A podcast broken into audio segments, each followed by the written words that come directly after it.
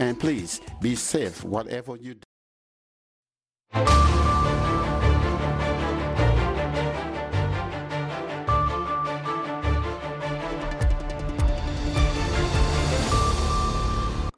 subax wanaagsan dhegeystayaal kuna soo dhowaada idaacadda subaxnimo ee laanta afka soomaaliga ee v o a oo si toosa idinkaga imaaneysa washington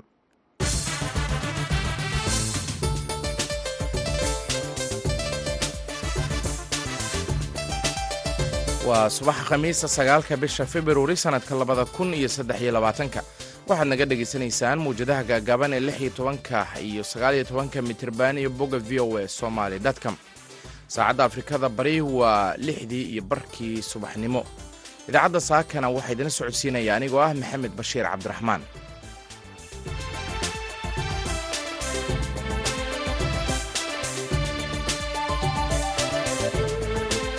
warbixinada dhegaystayaal aad ku maqli doontaan idaacaddeenna saaka iyo caalamka. Waxaa ka mid ah tirada khasaaraha ka dhashay dhulgariirkii turkiga iyo suuriya oo kor u dhaafay labiyo toban kun oo qof iyo ehelada mid ka mid a ardayda soomaaliyeed ee ku dhintay dhulgariirkaasi oo aan waraysi idinkaga hayno.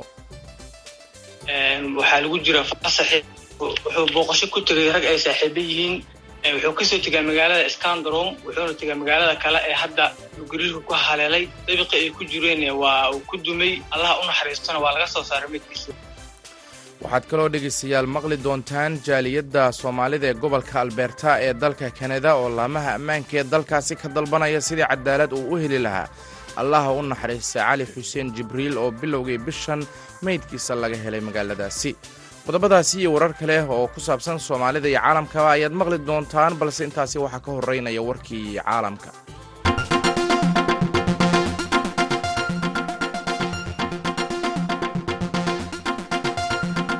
madaxweynaha maraykanka joe biden ayaa arbacadii sheegay in maraykanku uusan doonayn dagaal uu la galo shiinaha xilli ay sii kordhayso xiisadda ka dhex aloosan labada dal kadib markii uu maraykanku toddobaadkii hore soo riday buufin shiinuhu leeyahay oo ay saraakiisha maraykanku sheegeen inuu qayb ka ahaa aaladda basaaska shiinaha ee shan qaaradood. Waxa aan doonaynaa in aan la tartanno shiinaha ma doonayno colaad ayuu biden yidhi mar uu waraysi siiyey tv-ga p b s xogayaha arrimaha dibadda ee maraykanka antony blinkan ayaa sheegay in maraykanku uu warbixinada la wadaagayo dalalka ay saaxiibada yihiin xilli ay qiimeynayaan haraadiga buufinka laga soo riday waxaan tobaneeyo dal oo dunida ah la wadaagnay warbixinada. Waxaana u samaynaynaa sababtoo ah maraykanka oo keli ah ma ahayn bartilmaameedka barnaamijkan oo ku xadgudubay qarannimada. Dalalka ku firirsan ilaa shanta qaaradood ayuu yidhi blinken oo shir jaraa'id ay si wada jira u qabteen madaxa isbahaysiga neto jenes stoltenberg kuuriyada waqooyi ayaa dhoolatus xilli habeenkii ah qabatay ku soo bandhigtay gantaalaha qaaradaha isaga gudba ee i c b emisk iyadoo hoob kale ay soo bandhigtay. Sidoo kale waxayna ku tilmaamtay inay tahay soo bandhigistani awoodda ugu weyn ee hubkeeda nukliyarka ee uu dalkaasi leeyahay. Sidaasina waxaa khamiista maanta ah wariyey warbaahinta dowladda ee dalkaasi wakaaladda wararka dowladda k c n a ayaa sheegtay in dhoolatuska uu ka qayb galay hogaamiye kim jong un uuna dhacay habeenkii arbacada waxaana loogu dabaaldegayey sanad guurada toddobaatan iyo shanaad ee aasaaska ciidanka kuuriyada waqooyi ayaa lagu yiri warbixinta. Sawiro satellayt ah oo ay qaaday shirkadda maxer technology ee fadhigeedu yahay maraykanka ayaa muujinaya gaadiid military iyo dad buuxa kim el song square ee magaalada pyongyang waxyaabaha muuqaaladu ay muujinayaan waxaa ka mid ah gantaalihii ugu cuslaa ee kuwa i c p m ee qaaradaha isaga gudba ah iyo wongsung toddobiyo toban. Waqooyiga kuuriya ayaa hormarisay barnaamijkeeda gantaalaha blosikada ah iyadoo tijaabisay gantaalo ka waaweyn kana casirsan kuweedii hore inkastoo golaha ammaanka ee qaramada midoobay uu soo saaray qaraaro iyo cunaqabateenno ka dhana dalkaasi. Warkii dunidana dhegeystayaal waa naga intaa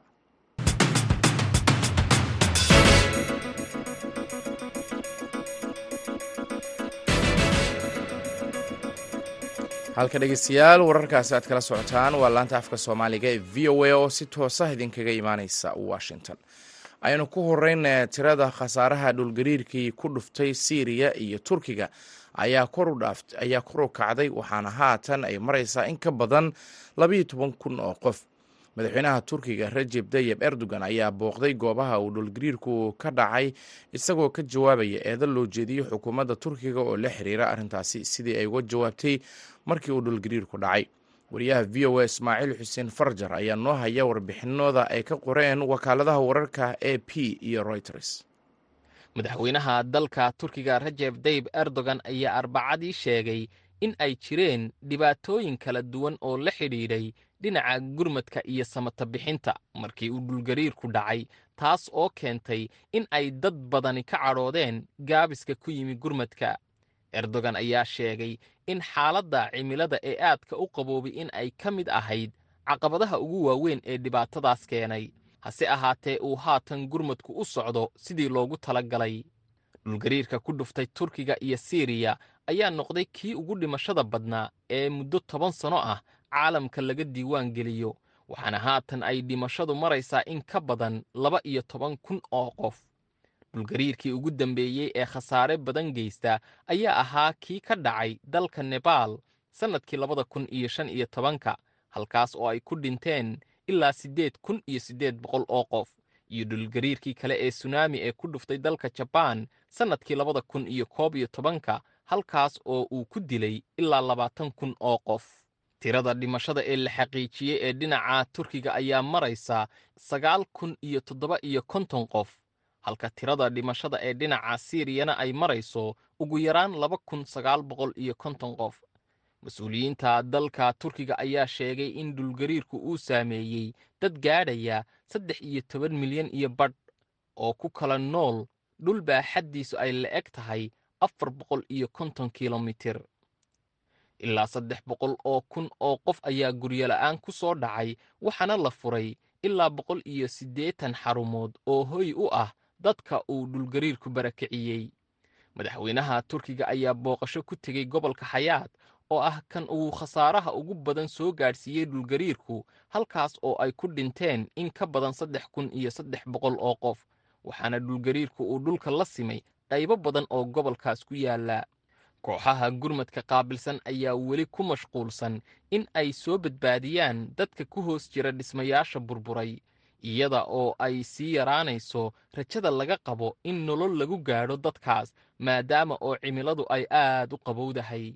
Waxaa jira cabashooyin badan oo ka soo yeedhaya dadka deegaanka oo ku saabsan in gurmadka samata bixintu uu soo daahay taasoo mas'uuliyiinta siiriya iyo turkiguba ay ka garaabeen cabashooyinkaas ka imanaya dadka deegaanka. Danjiraha siiriya u fadhiya qaramada midoobay ayaa qiray in aanay dowladdiisu lahayn awooddii iyo qalabkii ay kula tacaali lahayd dhibaatadan culus ee ka dhalatay dhulgariirka. Xilli dalkaas uu ragaadiyey dagaallo sokeeye oo socday muddo ku siman toban sanno iyo weliba cunaqabataynada ay saareen waddamada galbeedku madaxweynaha dalka turkiga rajeb tayib erdogan ayaa xaalad deg deg ah ku soo rogay ilaa toban gobol oo dalkaas ka mid a isaga oo amar ku siiyey in ciidamadu ay ka qayb qaataan gurmadka dadka ku barakacay dhulgariirka iyo samata bixinta dadka ku hoos jira burburka dhismayaashaba. Mahadsanid ismaaciil xuseen farjar oo warbixintaasi eegayey dadka uu khasaaruhu ka soo gaaray dhulgariirkan waxaa ku jira dadka soomaalida ah ee ku nool waxna ka barta dalka turkiga iyadoo shalay la helay meydka. Waa meydadka laba ka mid ah ardayda soomaalida ah ee wax ka baranaysay dalka turkiga. Cabdikariim nuur cusmaan oo ay walaalo yihiin mid ka mid ah labadaasi wiil ayaa caashe ibraahim aadan caashacuud ay kula xiriirtay khadka telefoonka ee magaalada muqdisho. Waxaana uga waramay geerida ku timid allaha u naxariistee walaalkiis iyo wixii uu ka baranayay turkiga magacaygu waa cabdiraxiim nuur cismaan cabdiraxiim nuur cismaan wiilka dhintay ee turkiga ku dhintay ee dhismaha laga soo bixiyena magacii walaalkaaya waxaa la dhahaa maxamed nuur cismaan waa yahay walaal. Horta marka ugu horreysa waa kaaga tacsideynayaa innaa lillahi wa innaa ilayhi raajicuun. Allah u naxariisto aboobe waxaad ii sheegtaa marka si kooban waqti badan aan kaa qaato mar raba tacsiyaa kuu taalla. Walaal muxuu ka sameynayay dalka turkiga? Abayo maxamed meesha wuxuu u tegey waxbarasho u tegey waxaa lagu jira fasaxi wuxuu booqasho ku tegay rag ay saaxiibo yihiin. Wuxuu ka soo tegaa magaalada scandrom wuxuuna tegaa magaalada kale ee hadda gariirku ku haleelay. Dabiqi ay ku jireen waa uu ku dumay. Allaha u naxariistona waa laga soo saaray midkiisi walaal waa garta adiga waxaad joogtaa magaalada muqdisho? Magaalada muqdisho jooga haa siduu warka kugu soo gaaray in uu aboowe dhintay? Waxaa isoo gaarsiiyey yar aan walaalo nahay saaxiibana aan nahay oo turkiga joogo wiilkana ay saaxiibo yihiin oo dhismaha tegey oo dul istaagay inuu geeriyooday maxamed. Allah u naxariistay walaalkiin. Waa gartay. Maxamed waxaad sheegtay inuu halkaas waxbarasho u joogo. Muxuu baranayay? Wuxuu baranayay maadada aviation management hawada maamulka hawada iyo diyaaradaha systemkaas baallay ku socdaan. Waa gartay. Muddo intee la-eg uu dalka turkiga ku sugnaa maxamed? Wuxuu ku sugnaay laba sano ku sugnaay laba sana a wax yar kabacdi ugu eeda hadda marka dhismahan uu burburku ka dhacay ee meydkiisa laga soo saaray isniintii uu dhacay dhulgariirka tani xilligaas wax wara ma ka hesheen oo isaga ku saabsan ama hadala oo aada ismaqasheen ma jirtay. Tani markii burburku dhacay. Tan iyo markii burburku dhacay hore kama aana ogoon laakiinse markuu burburku dhacay kabacdii dadkii oo ku dumay kabacdi aan la soo sheega ma garatay oo maxaa laydin yidhi waxaana la dhahay wiilkii saaxiibka wiilkii walaalka ahaay isagii rag saaxiibadiisa kale uu la joogay dhismihiiyaa ku dumay intaasaan soo gaartay ma garatay. Haye kadib maxaa samayseen? Kadib waxaan suubinay inaan xariir suubino aan safaaradda wacno aan documentskiina aan documentiska aan dirno aan guddoomiyaasha ardayda soomaalida magaaladaas la xiriirno. Yarkii kale oo aan walaalaha ahayn isaguna turki joogay oo la dhaho cabdiraxiim nuur gende aan u dirno documentiskiisi asagana kawardoon aan dhahno ankara iyo istanbulna aan la xiriirno aan u sheegno yarka inuu meeshaas ku jiro xogtiisa xogtiisana aan gudbinay waa gartay. Marka hadda geeridiisa ma adinkaa toos u ogaaday mise safaaradda idiin sheegtay? Maya safaaradda nooma sheegin safaaradda nooma sheegin. Waxaa noo sheegay wiilal dul taagnaa markaas. Ayaa noo soo sheegay in marka saas loo soo bixiyey dul tegey oona raadanaya isaga. Marka way garteen inuu isaga yahay. Way garteen inuu isaga yahay way garteen inuu isaga yahay. Waa kaas. Marka adinka muqdishoad joogtaan marka hadda ma ku qanacdeen in aboowe uu dhismahaasi burbura ee dhulgariirku burburiyey inuu ku dhintay. Waa ku qanacnay waa ku qanacnay qadarta eebeen waa ku qanacsannahay ilaahu maxamed ilaaha maxamed adduunka saana ka qaatay waa ku qanacsannaha boqol kiiba boqol. Labiyo labaatan jir uu ahay jaamacadu meesha ka diganayay wax caruura ma leheen welina ma guursan. Welina ma guursan ma guursan. Kaasi wuxuu ahaa cabdiraxiin nuur cismaan oo ay walaalo yihiin maxamed nuur cismaan oo ka mid ah dadka ku geeriyooday dhulgariirka ka dhacay dalka turkiga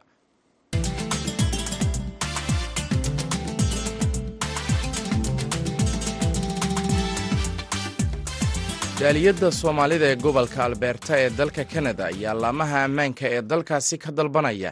Sidii uu cadaalad u heli lahaa allaha u naxariistay cali xuseen jibriil oo bilowgii bishan meydkiisa laga helay magaaladaasi. Kadib muddo dhowr bilood ah waa muddo laba bil ah oo lala'aa marxuumka.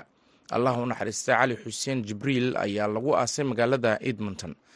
Marxuumka ayaa ka tegay xaas iyo carruur haddaba wariyaha v o a ee kanada xuseen nuur xaaji ayaa arrimahan ka wareystay cabdirasaaq ismaaciil ciro oo ka mid ah hogaamiyaasha soomaalida ee gobolka albeerta aaska allah u naxariista ee marxuumka runtii si weyn baa looga soo qayb galay.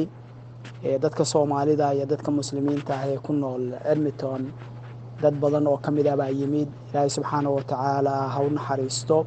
Waa la aasay aad bayna dadku u yimaadeen sidaad og tahayna dee qofka markii uu sidaanoo kale u dhinto wuxuu leeyahay saameyn ka badan markuu sida caadigaa qofku u dhinto oo dad badan oo dhaguhu u taagnaayeen oo ninkan inta lala'aayoo dhan marxuumka lala'aayoo dhan xogtiisa raadinayay baa markay geeridiisa maqnay yimid. Marka si weyn baa looga soo qayb galay oo dadka muslimiinta iyo gaar ahaana dadka soomaalidu aad iyo aad bay u yimaadeen. Waa tahay cabdirasaaq ilaa hadda ma jiraan wax macluumaada oo ku saabsan dilka marxuumka iyo ciddii ka dambeysay oo ay laamaha amnigu idinla wadaageen. Ilaa iyo haddeer macluumaad ay laamaha ammaanka ay bixiyeen oo bannaanka u soo baxay oo aan ka ahayn ninka inuu geeriyooday maaragtay ayna ku jiraan baaritaan waktina ay qaadan doonto intaas waxaan ahayn oo ay laamaha ammaanku sheegeen ama boolisku ma jiro runtii dad badan oo markii uu cali ilaahay ha u naxariistee geeridiisa la maqlay ama meydkiisa la helay dhagaha u taagnaayeen oo booliska ka warsugayey baan ilaa hadda helin. Xog faahfaahsan oo boolisku siiyeen oo maaragtay la dhihi karo sidaas iyo sidaas iyo sidaasaa wax u dhaceen. Marka weli weeye arrintaasi. Cabdirasaaq haddii dhegeystayaasha bal aad xusuusiso sida markii hore loo waayay marxuumka iyo halka laga helay. Xuseenow marxuum cali subax ayuu carruurta geeyey iskuulka. Kadibna dib looma arag. Markii la waayey oo uu soo laaban waayey ayay qoysku la xiriireen booliiska oo ku wargeliyeen inay la-yihiin marxum cali ilaahay subxaana wa tacaala jannadii ha ka waraabiyo. Wakhtigaas markii boolisku arrintaasi la gaarsiiyey oo ninkaasi maqnaanshihiisa la xaqiijiyey baaritaan fara badan oo dhinaca booliska ah laamaha amnigaah iyo arrimaha dadka bulshada u ololeeya culimada masaajidda hooyooyinka wax walba oo dadka soomaalida ay awoodi kareen iyo qeyb kastoo ay lahaayeen baaritaan xoog labay galeen meheradaha iyo baabuurta iyo meel kastoo ay suurtagal tahay dadku inay isugu yimaadaan. Waxaa lagu dhajiyey sawiradiisa runtii marxuumka aad baa loo raadiyey. Qof walbana wuxuu isku dayey oo dadka soomaaliyeed ka mid ah inuu maaragtay raq iyo ruux mid uun ku helo muddo lixdan maalmood kadib ah ayay boolisku qoyska ku wargeliyeen inay heleen meydkiisii oo gaari laga dhexelay waa tahay ugu dambeyntii waa sidee dareenka bulshada soomaalida maxayse dalbanayaan? Waxaan is leeyahay dhowr qodob bay tahay in looga baahan yahay laamaha amniga iyo cidda kaloo ay khusaysa arrintaanu. Midda koowaad waxa weeyaan xogta geerida iyo sida wax u dhaceen inay la wadaagaan cidday khusaysay arrinta labaadna waxaan is leeyahay waa in cadaalad loo helo oo inta waxaanu dhacaan aan sidaas laysaga dhaafin cadaalad la helo oo dadkii dhibaatada u geystay dhibaatadii u geysteen mid lamida iyagana la mariyo.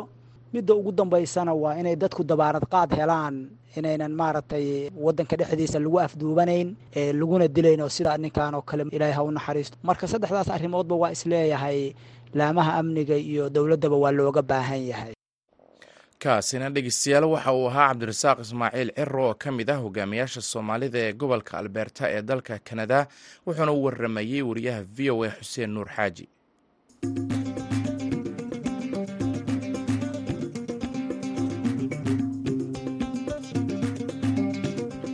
Maalmahan waxaa jiray warar sheegaya in cudurka daacuunka uu ka jiro magaalada mandheera ee waddanka kenya oo xuduud ay wadaagaan dowlad deegaanka soomaalida waxaana sare u kacay cabsida laga qabo in xanuunkaasi uu u soo gudbo dhinaca dowlad deegaanka soomaalida etoobiya xafiiska caafimaadka ee dowlad deegaanka soomaalida ayaa sheegay inaanay weli jirin kiisas lagu arkay deegaanka hase ahaatee waxay muujiyaan cabsida laga qabi karo iyagoo sheegay inay u diyaargaroobeen wariyaha v o a maxamed cabdiraxmaan gaata ayaa wareystay wasiir ku-xigeenka xafiiska caafimaadka ee dowlad deegaanka soomaalida xawo saleebaan ismaaciil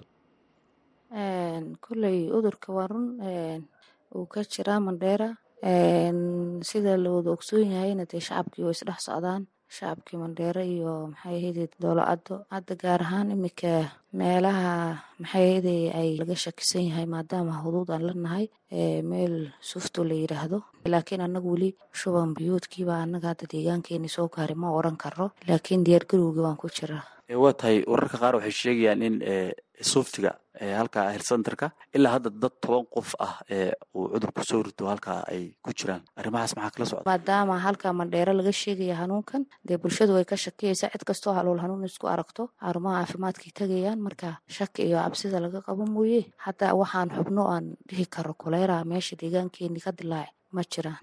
Maadaama uu deegaanku la wadaago xuduud mandheera mandheerana maalmihi la soo dhaafay cudurkan uu ka jiray oy dhici karta inuu deegaanka gudihiisa soo galo. Marka ilaa hadda maxaad samayseen u diyaargarow lagaga hortegi karo si cudurkaasi u noqon mid yacni bulshada deegaanka ku faafa diyaargarow waxaan sameynay kow in bulshadii la waa'igeliyo laba dhammaan xuduudihii aan la leenahay oo dhow aan adkaynay sidaynu u badanay isku soo adki waxaa la sameynayaa inay bulshadii hadday xanuunkan isku arkaan durbaha xarunta caafimaadka yimaadaan ayaanu sameynayna diyaargarowgii haddana maantana tiim baa halkan ka baxaya tiimkaas oo saddex qaybood aan u kala qaybinay oo tiim isku dhafa ayaa maanta baxaya marka siday u wadaan diyaargarowgii iyo wacyigelintii iyo dhammaan waxyaabihii loo baahan yahay oo dhan inay iyagu halka ka dhaqaajiyaan. Alaab iyo kitad iyo haddii lacalla waxaa yimaadaan wixii taa lagu baari lahaa waa la qaadayaa meelihii waa la geynayaa. Fiiltu liibaan gobolka dhaawaba dhambaanba waa la geynayaa.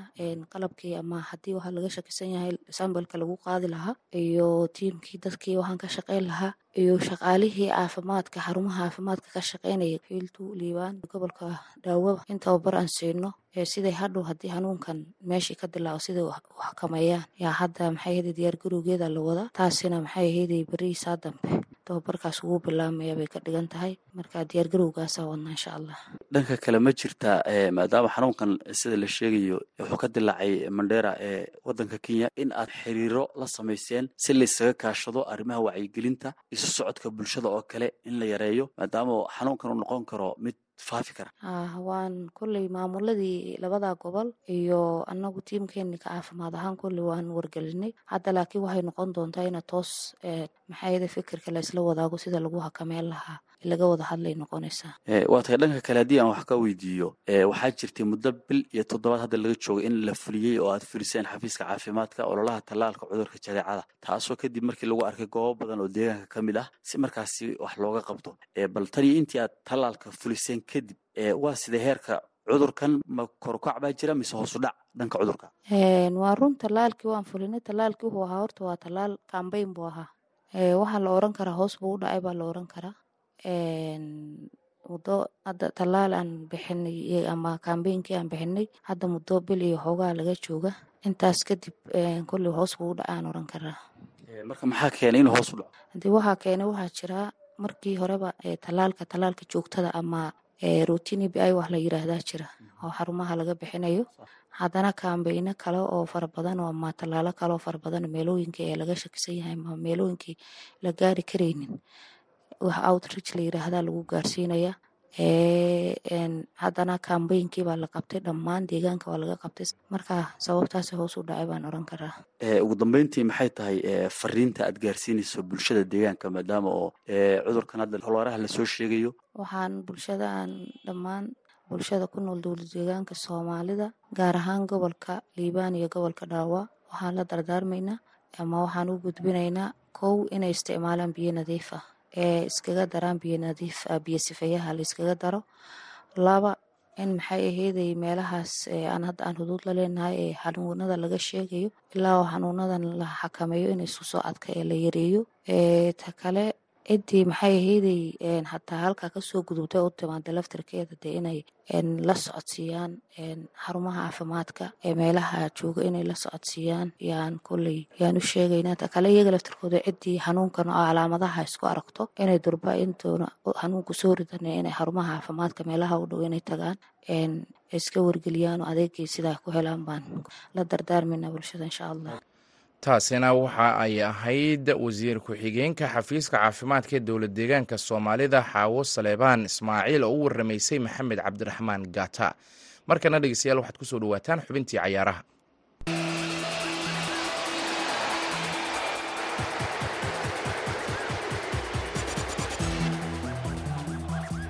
Dhegeystayaal waxaad ku soo dhawaataan xubintii cayaaraha. Waxaan ku soo qaadan doonaa ciyaaraha horyaalka ingiriiska kulan xiise leh oo ka mid ah oo dhex maray kooxaha leeds united iyo manchester united.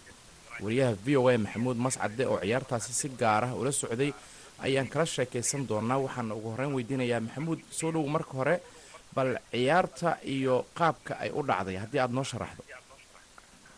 Maxamed waa dhowahay aad ba umahadsan tahay labadan kooxood leeds united iyo manchester united waa laba kooxood oo ka wada dhisan gobolka yorkshire ee wadanka ingiriiska. Waana laba kooxood oo si weyn u xafiltama dhinaca kubadda cagta. Marka laga hadlayo inkastoo awoodoodu aanay isu dheelitirnayn kulankanna waxa uu ka dhacay gegida old trafford oo kooxda kubadda cagta ee manchester united ay ku ciyaarto. Manchester qeybtii hore ciyaarta gool ayaa lagaga holmaray oo wiilka da-da yar ee sagaal iyo toban jirka ee u dhashay wadanka talyaaniga laakiin asal ahaan qoyskiisu ay ka soo jeedaan wadanka ivory coast ee la yidhaahdo nanto ayaa gool qurux badan ka dheliyay manchester united. Qeybtii dambe ciyaarta markii la isugu soo noqday ciyaaryahan raviel afran oo u ciyaara kooxda kubadda cagta ee manchester united ayaa gool oo taleeta iska dheliyey sidaasi ayaa laba gool manchester united lagala hormaray waxaana kooxda leeds united ay u muuqatay koox badin kartay.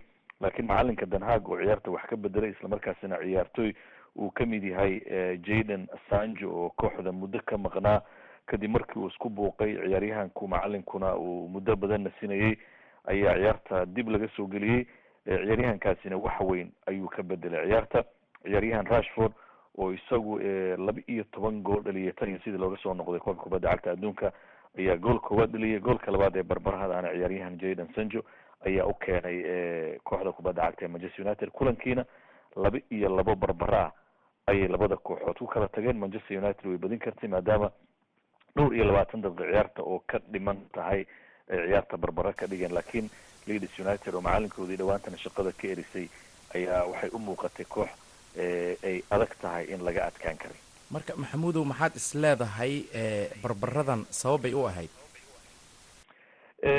Run ahaantii marka la eego kulanka goolasha ay keensatay kooxda leeds united marka la qiimeeyo iyo qaabkii u ciyaartay qeybtii hore ciyaarta inay badiyaan ayay ahayd. Laakiin macalinkan manchester united iyo kooxda manchester oo ka awood badan leeds united ciyaartoyda uu macalinku bedelka ku keenay ayaa la dhihi karaa waxay u keentay in ciyaartu barbara ay ku soo noqoto. Lakin kooxda leeds united dhibicdan ay heshay lafteedu sagxadda horyaalka waddanka ingiriiska saddexda hooso saddexda kooxood ee ugu hooseyay ay ku jirtay kor ayay kaga soo kacday oo hadda kaalinta lix iyo tobnaad ayay soo gashay halkii markii hore ee kaalinta sideed iyo tobnaad ay ku jirtay. Marka barbarada waxaa la oran karaa shaxda ee macalin danhaag wax ka bedela ayaa kooxdiisa u suura gelisay inay laba gool ka yimaadaan. Waa tahay manchester united muddooyinkii dambe kor ayay u soo kacaysay haddana gurigeeda ayaa dhegeystayaal waa ka xunnahay inaan ka kala barno. marka idaacaddo daqiiqadaha inooga haray ay wax yar ka dhiman yihiin inta daqiiqadaha inooga dhimanna waxaan idiin soo gudbinaynaa codka fanaanka saalax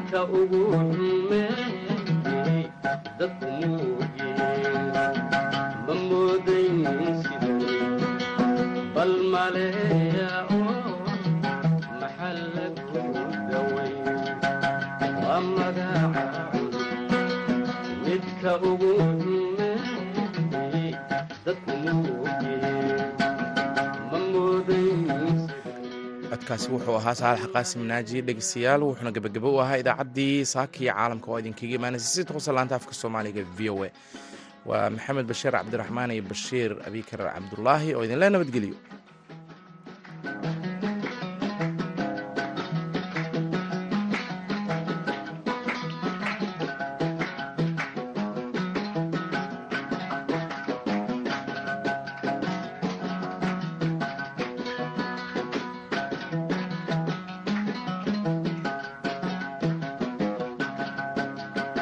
dab lagu gartiyo waxaan mug lahayn ayuunbay